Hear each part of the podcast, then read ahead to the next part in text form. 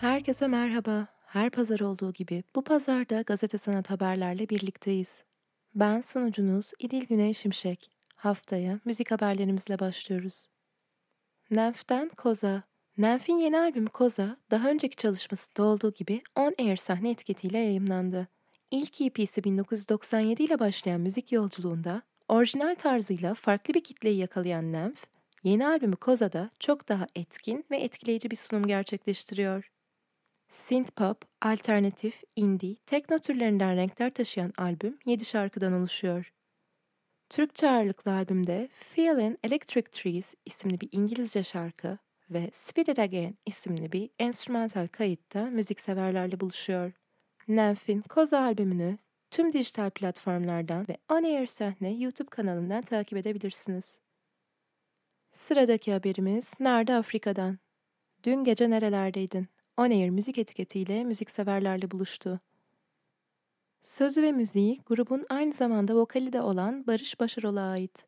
Düzenlemesini Barış Başarol ve Şahcihan İngin, mix ve masteringini ise yine Şahcihan İngin'in yaptığı şarkının back vokallerini Çiğdem Başarol seslendiriyor. Hem sevilen hem de nefret edilen sevgiliye bir ağıt olan Dün Gece Nerelerdeydin'i tüm dijital platformlardan dinleyebilir Kemal Kekevan'ın yönettiği klibi ise On Air Sahne YouTube kanalından izleyebilirsiniz.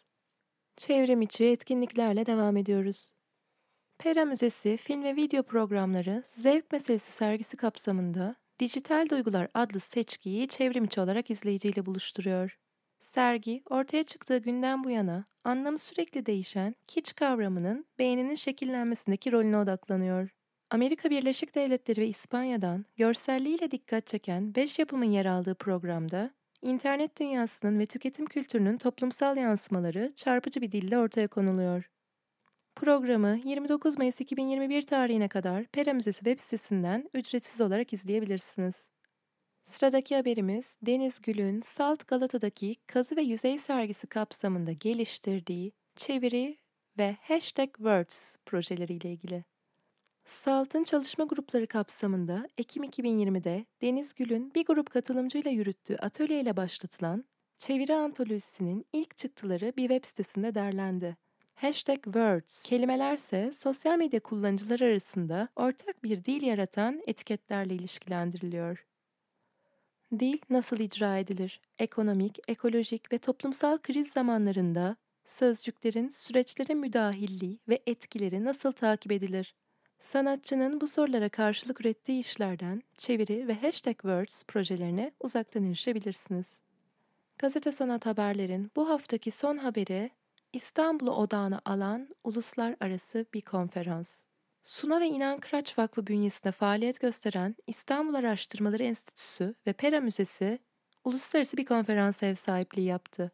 Heinrich Böll Stiftung Türkiye İşbirliği ile düzenlenen İstanbul Unbound Bendine Sığmayan İstanbul Konferansı'nda dünyanın farklı ülkelerinden yüze yakın uzman İstanbul'un güncel durumunu ve daha önce konuşulmayan yönlerini masaya yatırdı. İçinde bulunduğumuz döneme atfen salgınlarla ilgili sunumların da yer aldığı etkinlikte kentin tarihsel geçmişi ve dönüşümü, canlı ve cansız tüm bileşenleriyle birlikte yeni bakış açılarıyla ele alındı.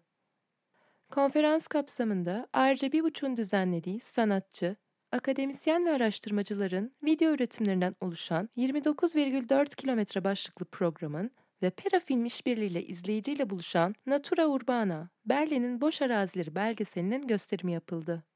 Konferansın açılış ve kapanış konuşmalarını İstanbul Araştırmaları Enstitüsü'nün 29,9 kilometre programı kapsamında hazırlanan videoları ise Pera Müzesi'nin YouTube kanalından izleyebilirsiniz.